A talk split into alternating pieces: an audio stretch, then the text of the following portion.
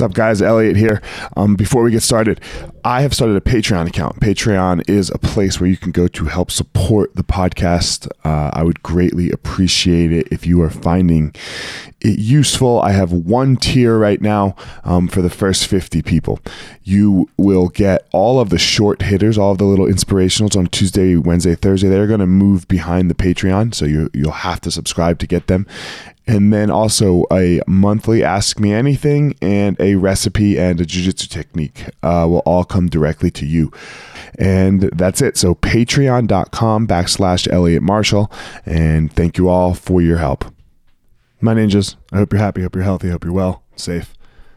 Um after your flower starts to sprout you know like we talked about yesterday if you don't water it, it's going to die.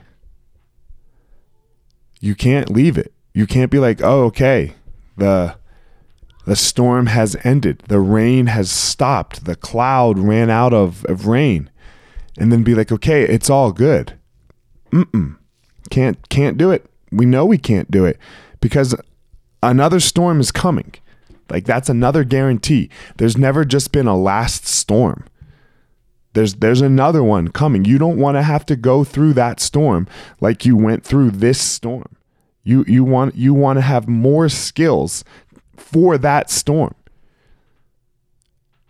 You have to water your flower. They die if you don't.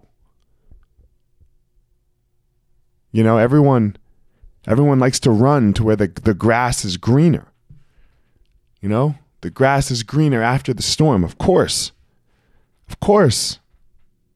But shit, man, that, they can go brown real fast. What happens when you don't water your grass for a week? It starts to turn a little yellow. It's not all the way bad yet, just a little bit. You wait another week and you got some dead fucking grass. Get the hose out, water it every day. Every day you get up and you water your grass. That's what you should do. that's what you should do with your life. That's what you should do every day for you, and don't do it for anybody else. Don't do it for your kids. Don't do it for your wife. Don't you? Eh, that will that will run out. That will run out. You'll eh, that will end. You'll run out of that energy. You got to do it for you, so that you find your power.